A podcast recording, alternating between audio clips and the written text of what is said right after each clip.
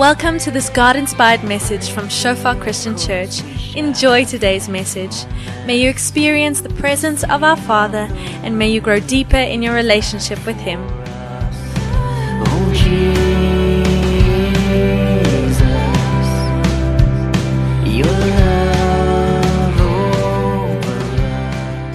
So vanoggend wil ek 'n bietjie gesels oor 'n stuk skrif wat ons so 'n paar jaar terug ook oor gesels het. Van julle mag dit dalk onthou, maar ons titel vir vanoggend is Wees waaksaam.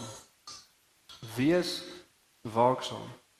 En die rede hoekom ek dit deel in lig van alles wat besig is om in die wêreld te gebeur, soos wat Karl ook sê, daar's nou hierdie goeters in Israel en daar's hierdie gevegte in Oekraïne en daar's klomp dinge wat gebeur en ideologieë wat in die wêreld uitgaan en alles raak 'n bietjie snaaks en dit raak nogal vinnig snaaks. Amen. En baie mense wonder en wil weet, jy weet, maar hoe lyk die eindtye? Wanneer kom Jesus terug? Waar trek ons nou met die profeseë? Maar een ding wat ons weet is soos wat Jesus vir die disippels ook verduidelik in Matteus 24, soos wat hulle na hom toe kom en sê, "Maar hoe gaan hierdie goeters lyk? Wat gaan gebeur?" Verduidelik Jesus vir hulle 'n paar goedjies van oorlogte en gerugte van oorlogte, maar hier is nog die begin van die geboortepyne, maar wat ek vir julle wil sê is besop dat niemand julle mislei nie. Dis die opdrag. Dis die aksiepunt. En by dit wees waaksaam. Geseënd is die een wat die meester wakker kry as hy kom. En dan verduidelik Jesus ook in Markus 13 dieselfde tipe goedjies en hy sit 'n gelykenis daarso in. En hy sê die koninkryk is soos 'n man wat sy huis agtergelaat het vir sy diensknegte om na te kyk. En die meester gaan eendag terugkom. Net die Vader weet, ons weet nie. Ons kan dit nie probeer uitfigure nie. Ja, ons kan profeseë lees en gaan kyk daarna, dit is daarna. Maar ons sal nooit met sekerheid weet nie. Maar as jy as die meester terugkom, geseënd is die een wat wakker is as die meester klop. Geseënd is die een wat besig is om te doen wat hy moet as die meester kom. Jy weet wat vir my interessant raak vir almal in die wêreld wat so interessant raak, is party mense is so behep en gaan so aan oor hierdie profesie en hierdie ding in Openbaring en hoeveel trompette het al geblaas en hoe het hierdie nou al gebeur? En dan baie keer dan kom mense na my toe en sê, "Oké, okay, maar waar dink jy is ons? Wanneer dink jy kom Jesus terug?" En sê ek, "Wel, Jesus het gesê die Vader alleen weet." Die Vader alleen weet, maar een ding wat ek wel weet is as hy jou hierso passief vang, dan gaan jou gat brand. Dis wat ek wel weet. Ek is nie presies seker wanneer hy terugkom nie, maar ek weet wat hy verwag as hy terugkom. En dis dat ons wakker is en waaksaam is en besig is om te doen wat hy vir ons gesê het om te doen. Baie belangrik. Maar voordat ons volgende in die stuk skrif inspring, wil ek vir ons 'n paar vrae weer vra. Die eerste vraag is: Hoe bly mens waaksaam? Hoe bly mens wakker? Hoe bly mens geestelik aktief? sien die skrif waarsku ook teen 'n geestelike passiwiteit wat gaan kom in die laaste dae, groot afvalligheid. Wat gaan gebeur? 1 Timoteus 4 vers 1 dan sê dit ook baie mense gaan in die laaste dae van die geloof afvallig raak en hulle self toewy aan 'n leerstelling van bose geeste. So of mense gaan geestelik passief raak en niks doen nie of mense gaan afdwaal en verkeerde leerstellings begin volg van die. So hoe bly mens wakker? Hoe bly mens geestelik aktief? Wat sal jy sê? Tweede vraag wat ek vir ons wil vra is nie kort ons 'n bietjie introspeksie en om eerlik met onsself te wees en vir die Here te vra om ons te help is maar hoe lyk die lewe van iemand wat geestelik aktief is? Hoe lyk iemand wat wakker is? Waarmee is hulle besig? Wat doen hulle? Wat kenmerk hulle lewe? Hoe sal dit lyk? En dalk om dit anders om te vra, hoe lyk die lewe van iemand wat geestelik passief is? En nou weer eens volgens ons eie standaarde wat ons nou net gestel het, ons eie vraag wat ons geantwoord het, waar lê ons? Is ons geestelik wakker, aktief? Is ons passief? Is ons besig om afvallig te raak of is ons besig om te doen wat die meester van die huis ons gesê het om te doen? As hy nou kom en hy klop, is ons wakker. En weer eens is ons geneig om te sê, "Wel, ons sit ten minste in kerk volgend." Dit tel seker vir iets. Maar soos wat ons laasweek gesien het, dit gaan nie net oor wat ons doen nie, maar ook hoekom ons dit doen. Die Fariseërs het Jesus na sy huis toe genooi en het saam met Jesus geëet, maar vir die verkeerde redes. Dit beteken nie noodwendig ons is gered nie. Dit gaan nie net oor wat ons doen nie, maar oor hoekom ons doen wat ons doen. Dat ons kan al die regte goedjies doen, maar vir selfsugtige redes. En dis 'n kenmerk van geestelike passiwiteit om in selfsugtigheid te leef, om vir onsself te leef. Want as die Gees lei, dan volg ons Jesus. Amen.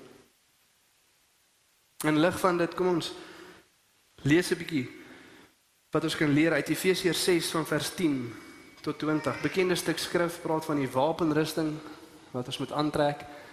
Maar kom ons kyk 'n bietjie vandag hoe lyk dit? Waarvoor is dit? Wat doen mens nou as mens geklee is in hierdie pakkie? Kom ons lees lekker saam Efesiërs 6 van vers 10 tot 20. Eindelik Paulus skryf ten slotte finally Maar is besig om te sê in lig van wat ons hierdie hele hoofstuk gesê het in lig van God se goedheid en lig van sy plan en lig van genade, verlossing, geloof in Jesus, in lig van die plan wat hy het vir ons as kerk en vir sy wysheid wat hy heers oor hierdie wêreld en in lig van ons wat gawes geontvang het en in eenheid moet saamleef om mekaar op te bou. In lig van hoe ons die evangelie uitleef by die huis, by die kerk, by die werk in die wêreld. Ten slotte van uiteindelik doen dan dit Leef dan hierdie uit, maak dan so om seker te maak jy bly wakker. My broeders, word kragtig in die Here en in die krag van sy sterkte. Trek die volle wapenrusting van God aan sodat jy staande kan bly teen die liste van die duiwel. Want ons worstelstryd is nie teen vlees en bloed nie, maar teen die owerhede, teen die magte, teen die wêreldheersers van die duisternis van hierdie eeu, teen die booste geeste in die lig. Daarom neem die volle wapenrusting van God op sodat jy weerstand kan bied in die dag van onheil. En nadat jy alles volbring het, staande kan bly, staan dan vas, jy heupe met die waarheid omgord, met die borswapen van die geregtigheid aan. En as skoene aan jou voete die bereidheid vir die evangelie van vrede. Behalwe dit alles, neem die skild van die geloof waarmee jy al die vuurige pile van die bose sal kan uitblus. En neem aan die helm van verlossing en die swaard van die gees. Dit is die woord van God terwyl jy met alle gebed en smeking by elke geleentheid bid in die gees. En jy's daartoe waak met alle volharding en smeking vir al die heiliges en vir my sodat 'n woord my gegee mag word as ek my mond oopmaak om met vrymoedigheid die verborgenheid van die evangelie bekend te maak waarvoor ek 'n gesant is in kettinge sodat ek daarin vrymoediglik mag spreek soos ek moet spreek. Interessante stuk skrif, baie wat ons op kan fokus. Maar een van die vrae wat ek ook vir ons hierso wil vra is hierdie praat van hierdie stryd wat gevoer word. Hierdie oorlog wat geveg word. En vanoggend wil ek ons vra eerstens is ons bewus daar is 'n oorlog en dit is nie teen vlees en bloed nie. Maar dit is teen geestelike entiteite en owerhede. Is ons bewus daarvan? sien jy van die beste planne seker van die vyand en waarmee die mense gereeld mee vang is dat ons beklei teen vlees en bloed terwyl die Bybel duidelik sê die geveg is nie teen vlees en bloed nie geestelike magte entiteite daar's iets agter dit wat jy sien manifesteer in die fisies en een van die goed wat ons gereeld sien in ons dag en tyd is mense wat vir die verkeerde rede immigreer maar wat is die verkeerde rede om te immigreer wel daar's net een regte rede en dit is as God jou stuur En hoe weet ons wanneer God ons stuur? Wel 'n geestelike aktiewe wakker persoon sal weet wanneer God hulle stuur. As ons konstant gelei word deur God. Dis een van die probleme wat ons baie keer het, ons wil nie in die klein goedjies en dag tot dag deur God gelei word nie. Dan wil ons ons eie plan uitleef en wanneer daar nou 'n groot besluit vir ons kom, dan wil ons nou God raadpleeg. Dan wil ons vas, dan wil ons bid. En ons is baie keer onseker oor wat God kom doen en waartoe hy ons lei. Hoekom? Want ons word nie konstant deur God gelei nie. Ons wil 'n skakelaartjie aan en af sit. Is die volgende 3 jaar plan. Ek het dit op my eie, ek het dit nogal uitgefigure. Na 3 jaar nou is daar 'n uh, job offer oor see of iets gebeur, nou wil ek vas, nou wil ek bid. En dit werk nie so nie. Ons word of deur God gelei of nie. Dit is baie keer vir ons moeilik. Maar dan immigreer mense want ons dink die geveg is teen vlees en bloed en dit wat ek hier in die visie sien jong, dit lyk nie vir my goed nie, so ek sal iewers anders heen moet gaan. Hierdie sê nee, dis die wêreldowerhede, wêreldprinsipaliteite, hierdie goed is oral. En dit manifesteer dalk anders. In Amerika en so met die nuwe ideologie wat hulle daar so het en allerlei snaakse dinge van wie ook al wil wees wat hulle wat ook al mag wees. Aan die kant met oorlog, korrupsie en geweld by ons, dit lyk oral op 'n sekere manier, maar die kernprobleem is dieselfde. Die persoon agter dit is dieselfde persoon. So een is ons bewus van die geestelike realiteit wat om ons aan die gang is. Tweede een is ons gereeld besig om in te tree in hierdie geveg. Ek weet ons as die westerse wêreld het baie keer die siening dat ag ons los dit uit, dit los ons uit. Sê met my. Weet in 1 Petrus 5 vers 8 dan sê dit ons vyand loop rond soos 'n brullende leeu op soek na iemand om te verslind. Wees nigter, wees wakker. Weer eens daai selfde woorde.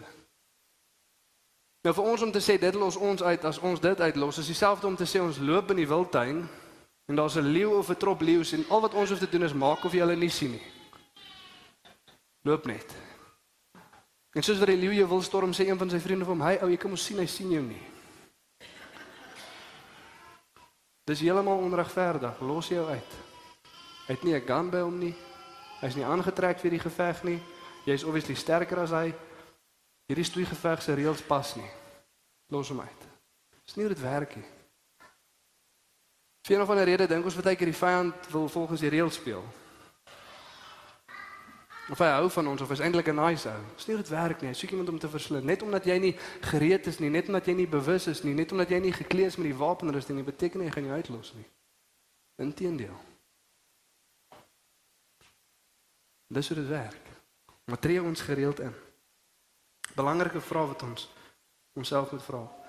Maar kom ons lees 'n bietjie deur en kom ons kyk hoe vloei hierdie wakker wees en staande bly wat Paulus besig is om vir ons te verduidelik.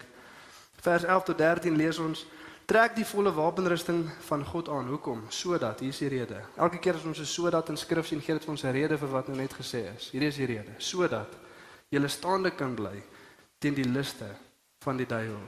Want hier is die rede. Want ons worstelstryd is nie teen vlees en bloed nie, maar teen die owerhede, teen die magte, teen die wêreldheersers van die duisternis van hierdie eeu, teen die booste geeste in die lig. Daarom maak nou so. Neem die volle wapenrusting van God op sodat jy weerstand kan bied in die dag van onheil en nadat jy alles volbring het, staande kan bly. En een ding wat ons nou hierso sien is een ons moet dit aantrek self. Niemand gaan dit vir ons aantrek nie.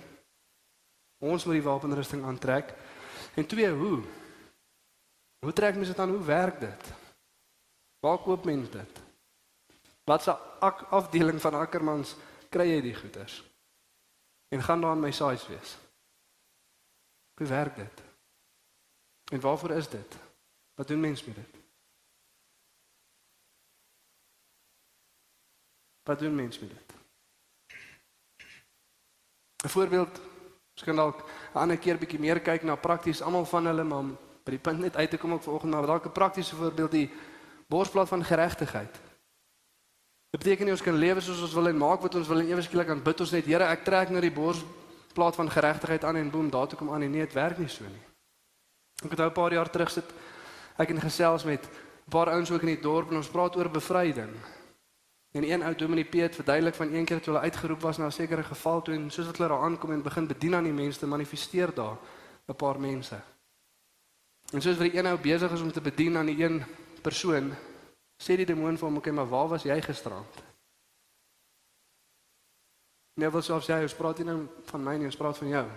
Maar is ook ongelukkig nie dit werk nie.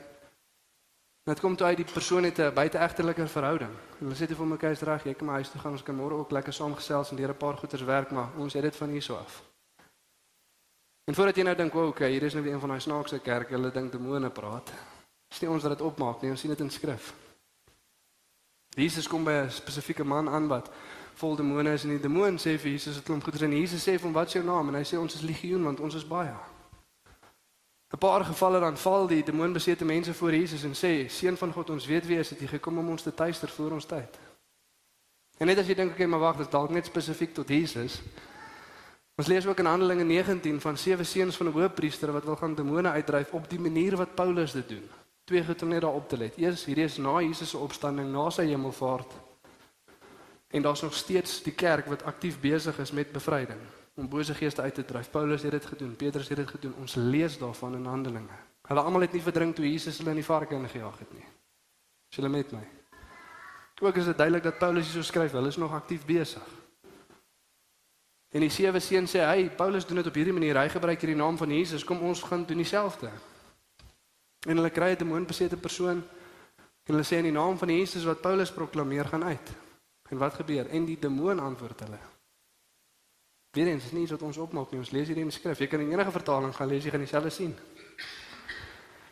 En die demoon sê, ons ken vir Jesus, ons erken vir Paulus, maar wie is julle? En wat gebeur? Die man spring op hulle, gele pak slaan hulle hardloop kaal en beseer daar weg. En vrees het oor al die mense gekom. Dit is nog steeds wat besig is om te gebeur. Ons sien dit om ons. Maar waar was jy gisterand? Ek het in die borsplaas van geregtigheid aan nie. Ek kan nie so lewe en net iets bid net maak dit so nie. So hoe trek ek hom aan? 1 Johannes 1 vers 8 en 9. Die wat sê hulle het nie sonde nie bedrieg hulle self en die waarheid is nie in hulle nie, maar as ons ons sonde bely, is hy regverdig en getrou om ons van ons sonde te vergewe en ons van alle ongeregtigheid te reinig. Spreuke 29 vers 13: Hy wat sy sonde bedek, sal nie voorspoed ervaar nie, maar hy wat dit bely en laat staan, sal genade kry. So hoe trek ek die borsblad van geregtigheid aan? Ek bely en laat staan my sonde sodat Jesus my kan vergewe en van alle ongeregtigheid kan reinig. Weerens dit beteken nie ons moet 'n perfekte lewe lei nie, nee, maar dit beteken ons aanvaar die genade van Jesus hoe deur te erken dat ons dit kort. Ek bely my sonde voor hom. Dis hoe ek doen. 'n Baie praktiese een, die swaard van die Gees, wat die woord van God is. Kan ek net bid en sê Here, ek tel nou die swaard van die Gees op, maar ek het nog laaste maand niks Bybel gelees nie. Nee. Dit het werk nie. Dis net 'n gebed nie. Ek moet dan gaan my Bybel vat om te lees, sien wat God se wil in sy woord is. Dan is ek toegerus met die swaard van die Gees. Amen. Dis nie net 'n gebed wat ons bid nie, ons moet dit aktief uitleef. Dis ons dit aantrek. Bely en laat staan jou sonde. Anders gaan die geveg 'n bietjie moeilik wees. En nou tweede vraag, waar gebruik ons die wapenrusting? Hoekom trek ons dit aan? Wanneer trek ons dit aan? Vers 18. Ons stop gewoonlik by vers 17, maar dit verduidelik die wapenrusting, maar vers 18 sê hoekom? Terwyl, terwyl vir hierdie rede terwyl julle met alle gebed en smeking by elke geleentheid bid in die Gees en juis daartoe waak met alle volharding en smeking vir al die heiliges. Dis vir gebed. Dis in gebed. Dis waar ons die geveg veg. Dis waar ons deel raak van die oorlog primêr. En elkeen van hierdie is 'n wapenrusting vir gebed, 'n sekerheid in gebed. Dis waar ons dit moet aantrek en Ek lag baie keer so lekker as mens terugdink aan mense eie lewe. En hoe onkundig ons baie keer is want ek onthou toe ek net tot bekering gekom het, het ek gereeld altyd gebid en dan nadat ek gebid het, het ek ook vir die Here gesê, "Oké, nou trek ek my wapenrusting aan." So ek sê, "Jy het nou daai hele geveg geveg sonder die goeders, nou wil jy hulle aantrek om hol toe te gaan." Werkie so nie. Of om 'n movie te gaan kyk. Trek dit voor die tyd aan. Dit is dit werk. Dit is waar ons sekerheid in gebed kry om eers tot God te nader en seker te maak dat ons saak met God reg is en in te tree en sy genade te ontvang en dan deur sy leiding bid ons vir die mense om ons. Amen. Dit is hoe dit werk. Deur alle tyd te bid vir God en vir sy heiliges. Maar ek bid nie deur net vir myself nie, maar ek bid vir die heiliges van God. Onthou, Jesus sê in Markus 13, hy het ons gelos om na sy huis te kyk. Hy het ons elkeen ons eie huis gegee en ons moet primêr daarna kyk nie. Maar na sy huis. Net vat ons na die eerste punt toe vanoggend. Wees waaksaam hoe? Wees waaksaam in gebed by elke geleentheid vir al die heiliges.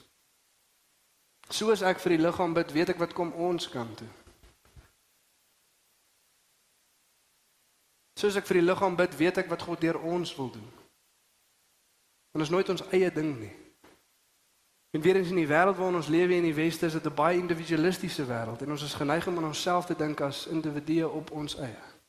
Maar God sien ons as mense saam. Israel het gegaan deur seisoene saam. Die kerk soos wat ons lees in die Nuwe Testament gaan deur goed saam. Saam word hulle vervolg. Saam gaan hulle deur moeilike tyd. Weet jy wat een van die interessantste goed vir my van die vroeë kerk? As daar 'n kerk swaar kry, moet hulle vir die hele kerk finansiële hulp stuur in 'n sekere gebied want as een arm is, is almal arm. Daar dit is onmoontlik vir 'n groep van hulle om te sukkel finansiëel en 'n groep van hulle om goed te doen finansiëel. Hoekom? Want hulle het alles in gemeen. Ons lewe nie vir onsself nie. Maar ons is geneig God gee vir my wat ek kort vir my lewe. En God sê nee, kom ons vra dat ons nodig het vir wat ons kort, vir wat vir God ons geroep het. Amen. Dis 'n ons ding, dis nie net 'n 'n eie ding nie. En weer eens hier sien ons een van die goeie wat gebeur is baie keer dan dan bid ons nie volgens dit en ons voel so half moedeloos as dit kom by gebed. Ons voel nie maar dit werk nie of ek bid in die muur vas of ek bid in die plafon vas. Ek sien nie enige resultate nie. Ek vra vir baie goed maar ek kry niks. Ek weet nie wie dit al so gevoel nie. En dan sê die skrif hoekom? Wat is die rede? Jakobus 4 vers 3. As jy bid, ontvang jy nie. Hoekom? Omdat jy verkeerd bid. Jy wil net jou selfsugtige begeertes bevredig. En weer eens in ons individualistiese wêreld en met die welvaart evangelie wat hier rond is doen, dink ons gebed is daar sodat ons vir God kan sê wat ons kort om gemaklik te wees. Dis nie waarvoor gebed daar is nie. Dis nie vir ons eie selfsugtige begeertes nie. Weer eens selfs soos laasweek met die fariseer wat vir Jesus na sy huis toe nou, hoekom hoekom is Jesus daar? Jesus sê vir hom jy het my nie water gegee vir my voete nie, jy het my nie gesoen nie, jy het my nie gesalf nie. Ek is nie hier vir jou om my te bedien nie. Jy soek iets van my af. Verstaan die evangelie verkeerd. As ons dit regtig begryp, dan lewe ons vir Jesus. En waar is een van die kernplekke waar ons dit gaan sien? In ons gebedslewe. In ons gebedslewe, waarvoor bid ons? Gou-gou daar waar jy is, net vanaand. Dink gou aan jou laaste paar gebede, die gebede wat jy bid saam met jou kinders. Hoe gaan dit? Hoe klink dit? Waarvoor bid jy? Waarvoor vra jy?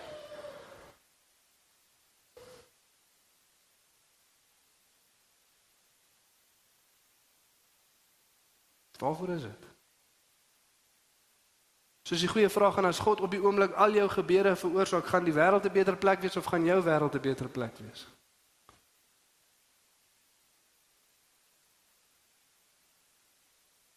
Is dit net ek en net my huishouding en net my familie wat in my gebede opkom of is ek koninkryk gefokus? Is dit vir my gemaak of is dit vir God se missie? Waarvoor bid ek? Jy sien want hier is die ding, 'n eienskap van geestelike passiwiteit is wat? Selfsugtigheid. Om op myself gefokus te wees. Jong, ek's by die kerk en ek lees Bybel en ek bid. Maar wat is die rede daarvoor? Wat is die motief? Wat sy hart agter dit. Want as dit self is, dan is ons nie geestelik wakker nie. Want ons lewe nie vir ons self nie. Die maklikste taktiek vir God, vir die vyand om ons van God af weg te lei is vir wat? Om vir ons 'n selfsugtige begeerte te gee. En dit kan dalk selfs 'n goeie een wees.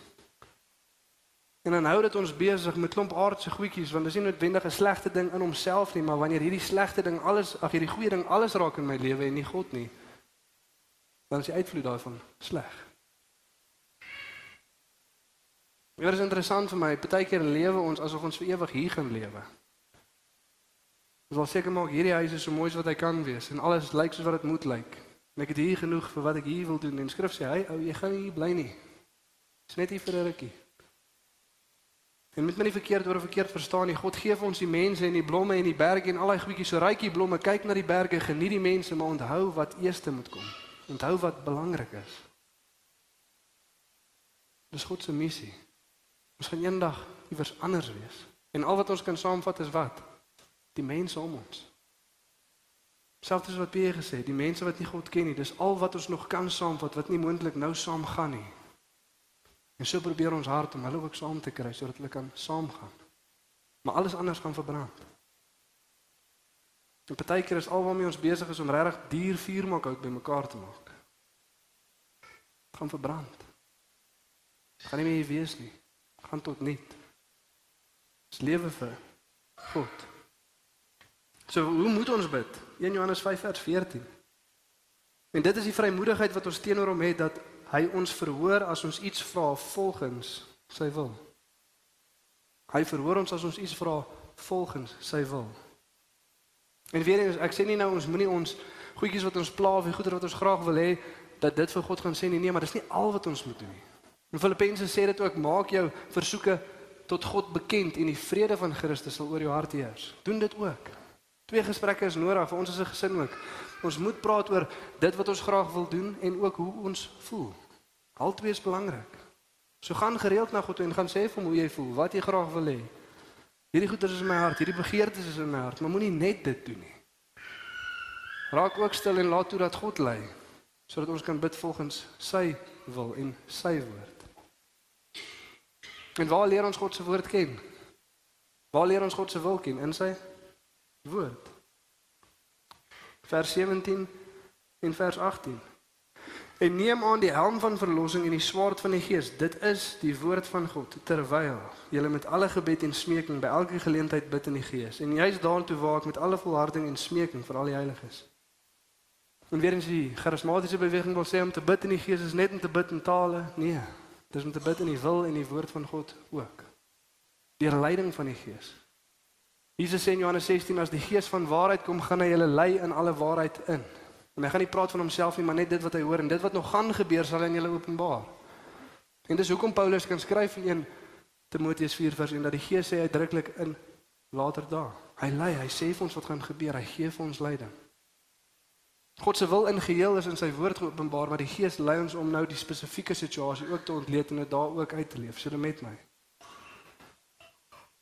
Ons lees in 1 Timoteus 2 vers 4 dat dit behaag God en hy wil graag hê dat almal tot redding moet kom en tot die kennis van die waarheid. Maar nou is ons by werk en daar's duisende mense, so met wie deel ek eers die evangelie? Vra die Gees mee te lei. Met die woord in die Gees. Met die woord, deur leiding van die Gees. Dit is hoe ons God vra om ons te lei, konstant in die woord, konstant in gebed, sodat God ons kan lei. So wat doen ons? Ons lees, ons word stil, ons bid, ons herhaal. Ons lees, ons word stil, ons bid, ons herhaal. Hoe weet ons of ons regtig glo dat God baie slimmer is as ons? Ja, hoeveel tyd jy eintlik stil is in sy teenwoordigheid. As jy gesprek of 'n vergadering by die werk het en daar's 'n probleem wat opgelos moet word en jy dink jy's die slimste ou in die kamer, dan praat jy die meeste. Jy het mos nou die oplossing. Ons maar net eintlik tyd môre as ons die ander mense ook kans gee om te praat want ek het eintlik mos nou die regte antwoord. Selfs is waar met God. Partykeer gaan sit ons en ons begin want ons is baie slim en ons sê vir die Here alles wat moet gebeur en wat ons wil graag hê. Amen. Here laat dit gebeur. Maar sit ons stil en laat toe dat God wat heilig is, soewerein, alomteenwoordig, alomwetend kom lei. Dan afhang van ons persepsie van die evangelie en van wie God is om ons te kom lei in gebed. En volgens is die mooi waarheid dat deur die evangelie sien ons wat dat God is bereidwillig om dit te kom doen en hy's in staat om dit te doen. Party van ons weet God is in staat, maar ons weet nie of hy bereidwillig is nie. As ek nou kyk na my lewe en dit wat ek gedoen het die laaste ruk, ek is nie seker of God my wil kom lei nie. Dit gaan nie oor wat ons gedoen het nie. Die evangelie sê nie oor wie ons is nie, maar ten spyte van wie ons is kom God en hy vergewe en kom lei nog steeds. Amen. Ten spyte van wie ons is. Dit vat ons na die laaste punt toe. Wees waaksaam. Bid deur die leiding van die Gees en God se wil en woord. Bid deur die leiding van die Gees en God se wil en woord. Gaan nie net oor wat ons wil hê en ons gemaak nie. Maar wanneer ons intree vir God se mense, bid ons vir mekaar. Daar was 'n vrou gewees wat 'n studie moes gaan doen net oor hoe om uit te vind wanneer beskawing vorm. When civilization forms. Wanneer vorm daar regte gemeenskap en regte beskawing? Hoe kan ons sien? Hoe kan ons sê? En na 'n paar jaar se studie kom sy toe terug en baie mense het opinies van hoe dit nou gaan lyk en hoe dit nou gaan werk. En wat dit nou gaan wees, gaan dit wees wanneer hulle begin huise bou? Gaan dit wees wanneer daar een of soorte infrastruktuur is wat weet die verskawing kan maak werk? as hulle een of ander jagpatroon het, hoe werk dit? Wanneer begin hierdie bes beskawing vorm? En sy sê toe nee, as jy na daai mense se begrafplaas toe gaan of waar ook al mense begrawe was en jy kry bene, veral bobene wat gebreek is en weer genees geword het. En hulle sê vir hoekom? Hoekom wys dit vir jou van beskawing? Want sy sê enige ander dier of enige persoon wat op sy eie lewe as hy sy been breek gaan hy dood. Hoekom? Want daar's niemand wat vir hom omgee en sorg nie. Hy kan nie meer vir homself veg nie. Hy kan nie meer kos bymekaar maak nie. Hy kan nie na die rivier toe gaan nie. Hy kan nie terugkom nie. Dan gaan hulle dood. So daar waar iemand sy bobeen breek en na mense om hom is wat na hom kyk, hom versorg. Die been kans om te genees en hy lewe nog steeds daarna en later gaan hy dood. Dis waar beskawing vorm. Daar waar mense nie net na hulle self kyk en dink nie. Is dit nie mooi nie? En God sê dieselfde. Dit is die hart van 'n Christen. Ons lewe nie meer vir onsself nie, maar vir hom. In Filippense lees ons hierdie gesindheid wat jou nou is in Christus. Moenie net aan jouself dink nie, maar aan ander ook. Sien dit in Jesus wat in die vorm van God was, maar nie in sy gestalte as God vasgeklou het nie. Maar kom sterf het op 'n kruis. Ons lewe verander. Ek eindig vir ons met hierdie stelling. Wees waaksaam. Die doel van gebed is nie die gemak van mense nie, maar die missie van God. Die doel van gebed is nie die gemak van mense nie, maar die missie van God. Men kyk na Paulus. Van waar af skryf hy hierdie brief? In die tronk. Hy's in die tronk, hy's gevange.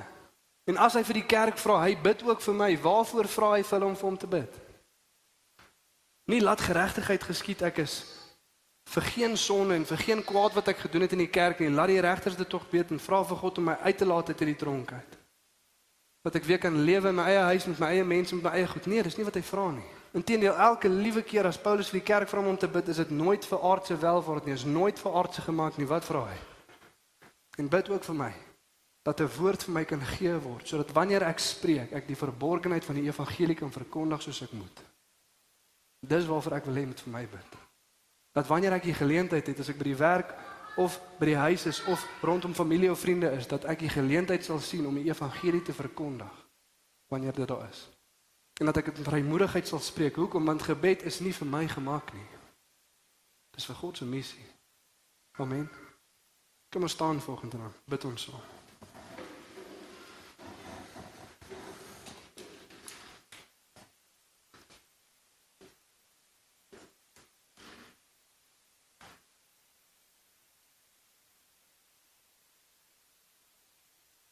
Ja, Here, dankie vir u goedheid. Dankie vir u guns, Here, en dankie vir u genade. En vanoggend, Here, kom bid ek vir elke hart, Here, wat nou swaar voel, Here. En as ons eerlik met onsself is en ons kyk na ons eie lewe dan is dit dalk bewus, Here, dat ons ons is geestelik passief, Here. Ons is onvallig, my hele wêreld draai net rondom myself.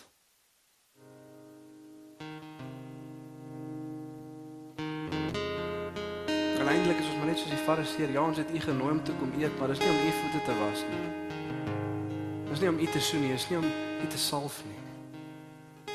Dis sodat u dit vir my kan doen. Ek soek iets. Want ons besef nie wat ons deur die evangelie al klaar gekry het nie.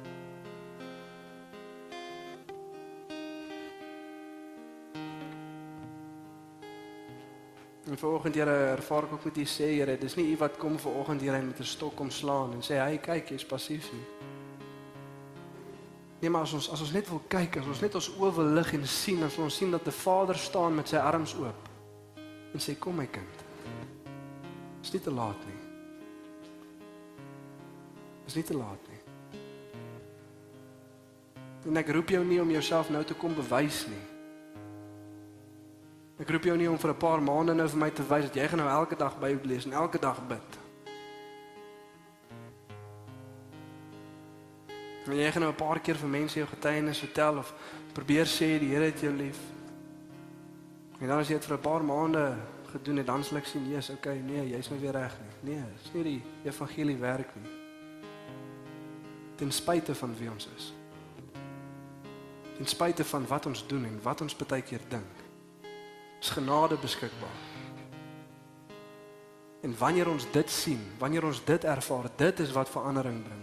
Dit is wat soos Petrus sê die hart van klip kom uithaal en die hart van vlees kom insit. Soos dat God sy gees op ons uitstort en ons toelaat om weer in sy weë te wandel.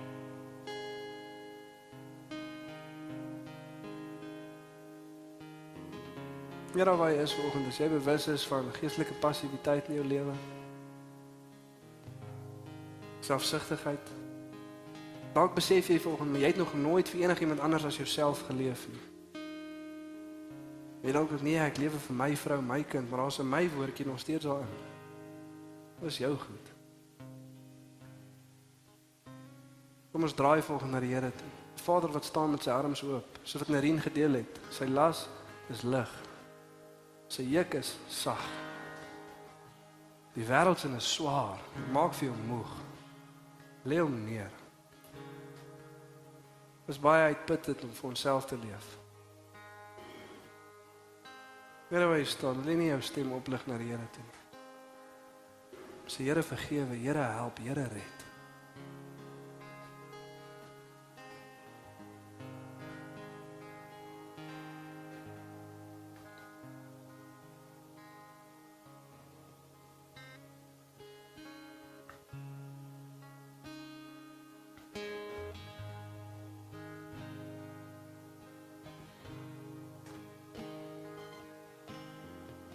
Ervaar ook net vanoggend is daar al 'n paar van ons wat sê nee, Jesus ek ek dink nie ek's geestelik passief nie, ek dink net ek's te besig. As ek nie so besig was met die werk of die kinders het baie goedjies aan en as dit nie vir dit was nie dan dan sou ek dit doen. Die vraag is as dit waar is, hoe lyk jou naweek? Hoe lyk jou vakansies? As jy dan nou tyd het. Hoe lyk dit? Ons is so geneig om onsself te regverdig en verby die aardige waarheid van ons harte baie keer te kyk. Moet dit nie doen volgens nie. Regverdiging lei na misleiding. Moet nie jouself volgens mislei nie. Maar God gaan ons nie te besig maak om sy wil vir ons lewe uit te leef nie. En as dit jou moeg maak, verstaan jy dit verkeerd. Dis nie sodat ons aanvaar kan word nie, maar as omdat ons reeds is. Alles wat ons doen is uit dankbaarheid vir wat God klaar gedoen het. Dankie Here vir daai waarheid wat vanoggend insink in harte. 'n Wonderlike waarheid van die evangelie. Wat ons aanvaar soos ons is, maar ons nie los soos ons is nie. My genade gee ons die krag om te word wat U wil hê ons moet wees. Perfek nee, glad nie. Maar 'n bietjie meer soos Jesus elke dag. Dankie vir U goedheid, Here. In Jesus naam. Amen.